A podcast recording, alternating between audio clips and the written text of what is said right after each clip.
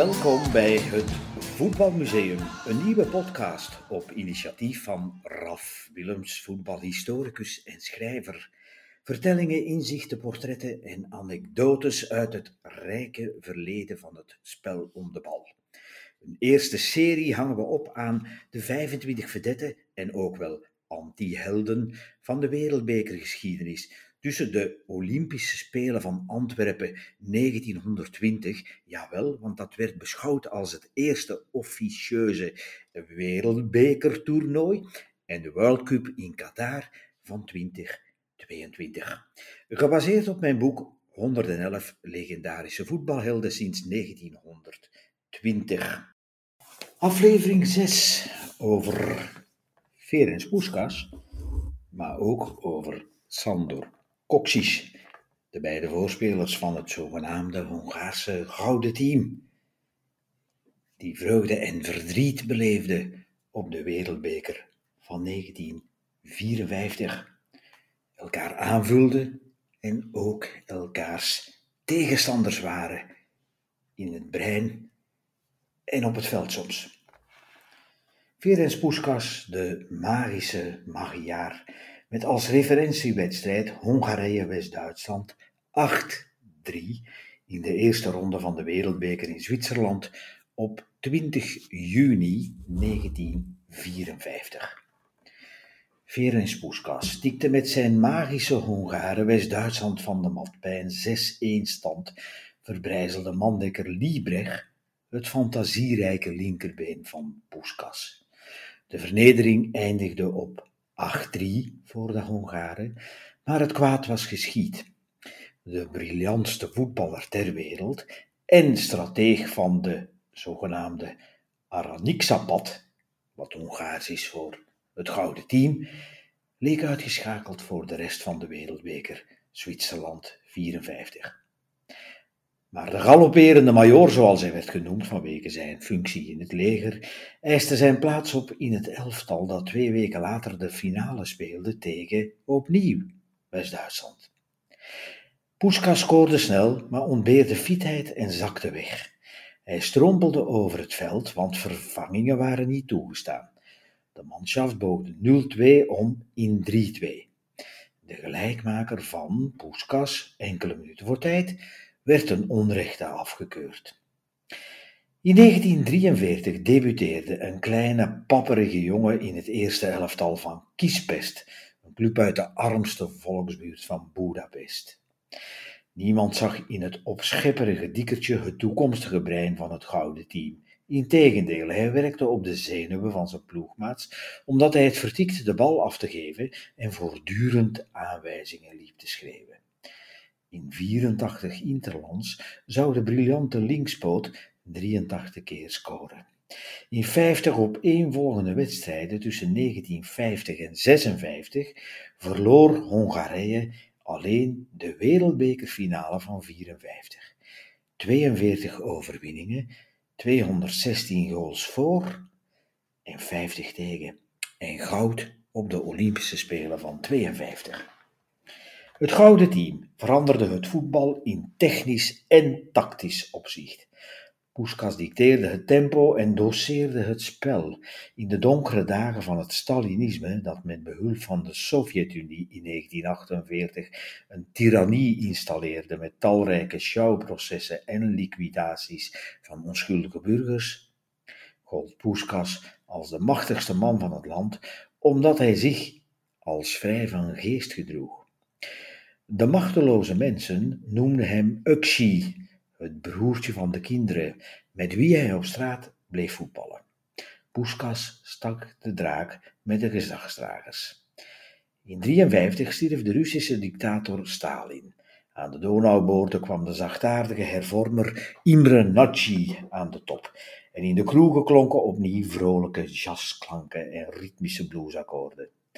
De euforie van het nieuwe beleid deed ook de voetbalkoorts stijgen. Het gouden team presteerde bovenmaats met zeges in Italië 0-3, Zweden 2-4, Tsjechoslowakije 1-5, Oostenrijk 2-3 en Engeland 3-6. Puskas scoorde de 1-3 op Wembley tijdens de zogenaamde Game of the Century, de wedstrijd van de eeuw, en noemde dat zijn favoriete doelpunt. Hij ontving de bal in volle snelheid ter hoogte van de hoek van het kleine strafschopgebied, draaide half om de as, legde hem zelf achteruit en trapte bij het derde hakje hard in de bovenhoek. In deze aangename smeltkroes van maatschappelijke en sportieve euforie waande Hongarije zich al wereldkampioen. De blessure van Puskas gooide roet in het eten en na het verlies in de finale sloeg de stemming in Budapest om. Premier Imre Nagy werd door het Kremlin opzij gezet. In 1956 kwamen de schrijvers als eerste tegen de dictatuur in opstand. Sovjet-tanks ratelden de Hongaarse hoop stuk. Nagy werd vermoord, Puskas sloeg met enkele teamgenoten op de vlucht. Ze werden door de FIFA geschorst. Hij vreesde voor het einde van zijn loopbaan, maar belandde in 1958 bij Real Madrid. In een partnership met Alfredo Di Stefano leidde hij de Koninklijke naar de wereldtop met de 7-3 tegen Eintracht Frankfurt in de Europa Cup der landskampioenen in 1960. De Spanjaarden doopten hem tot Canoncito, het kleine kanon, vijf titels en meer dan 200 goals. Voor Hongarije voetbalde hij nooit meer. Rond zijn team van goud weefde zich een eeuwige rand van rouw. Ferenc Puskas, geboren op 1 april 1927, overleden op 17 november 2006. Kampioen van Hongarije met Honved Budapest vier keer, van Spanje met Real Madrid vijf keer. Winnaar van de Europa Cup der landskampioenen in 1959, 60 en 66 en van de zogenaamde Intercontinentale Cup of Wereldbeker voor clubs in 1960. 84 interlands met Hongarije, Olympisch kampioen in 1952, Centraal Europa Cup in 53 en verliezend finalist in 54. Sandor Koksic, het gouden hoofd van het gouden team. Referentiewedstrijd Hongarije-Uruguay 4-2, de halve finale van de Wereldbeker van Zwitserland op 30 juni 1954. Sandor Koksic vroete het verleden te zeer in hem. Hoe dacht hij terug aan zijn gloriedagen, toen het donker werd in zijn hoofd en hij besloot om te springen. Van de vierde verdieping in een ziekenhuis in Barcelona, waar men hem tevergeefs behandelde voor maagkanker. Het was 22 juli 1979, enkele maanden voor zijn vijftigste verjaardag. Wat deed de herinnering met hem na zijn eerste bezoek sinds zijn vlucht in 56 aan zijn geboortestad Budapest, twintig jaar later? De mensen herkenden hem niet meer. De ranke spits van de jaren vijftig vocht tegen een vroege aftakeling. Heimwee naar Hongarije, dat had hem steeds getekend. De melancholische, magische Magiaar, het gouden hoofd van het gouden team met een mondiaal record van 75 doelpunten in 68 interlands. Niemand scoorde ooit gemiddeld 1,1 doelpunt per wedstrijd voor zijn nationale elftal. Succesvolle spits en zeer geliefd bij FC Barcelona met 151 doelpunten in 235 wedstrijden.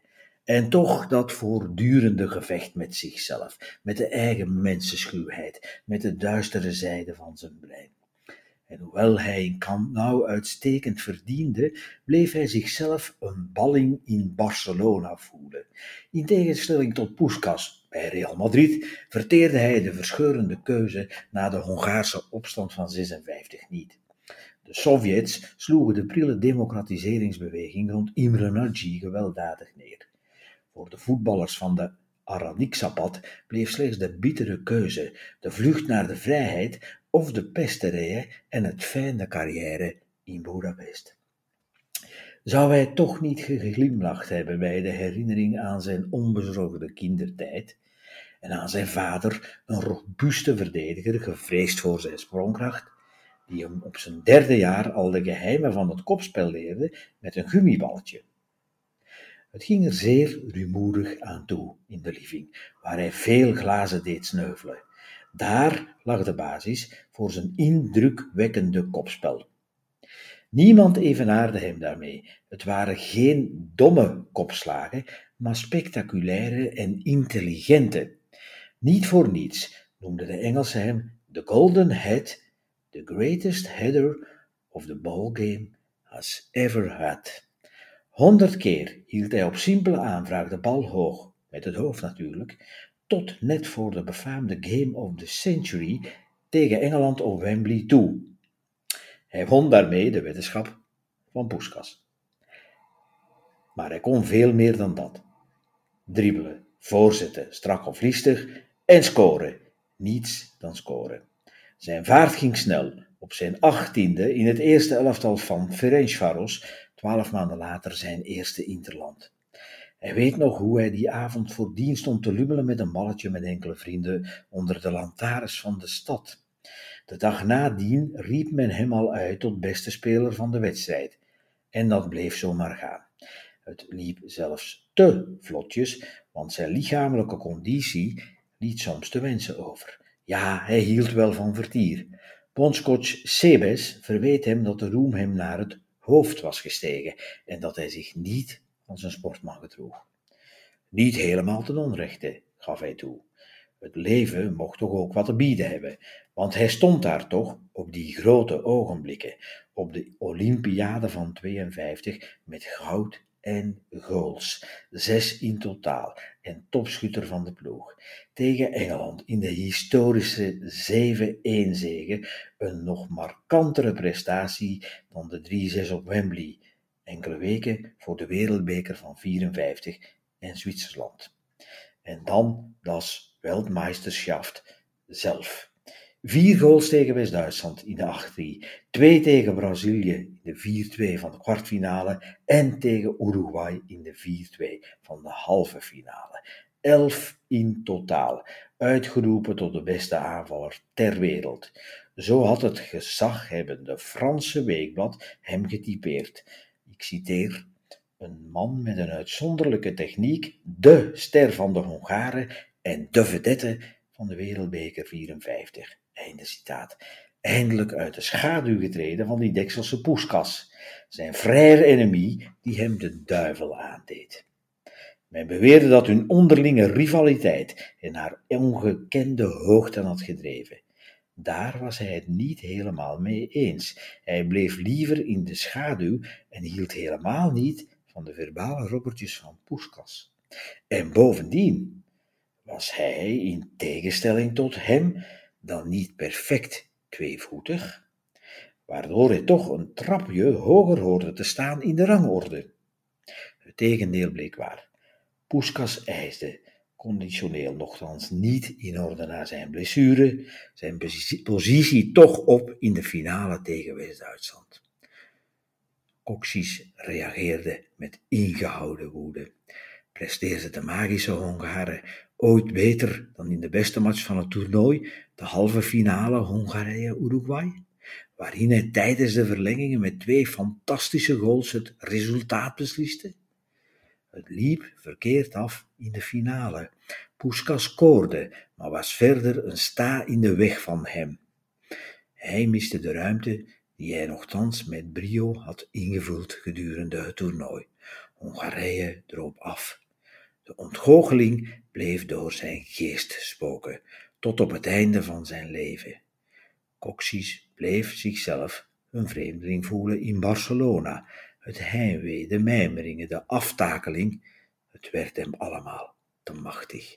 Zijn vijftigste verjaardag was een kaap die hij niet wenste te nemen. Sandor Coxis, geboren op 29 september 21 september liever 1929, overleden op 22 juli 1979.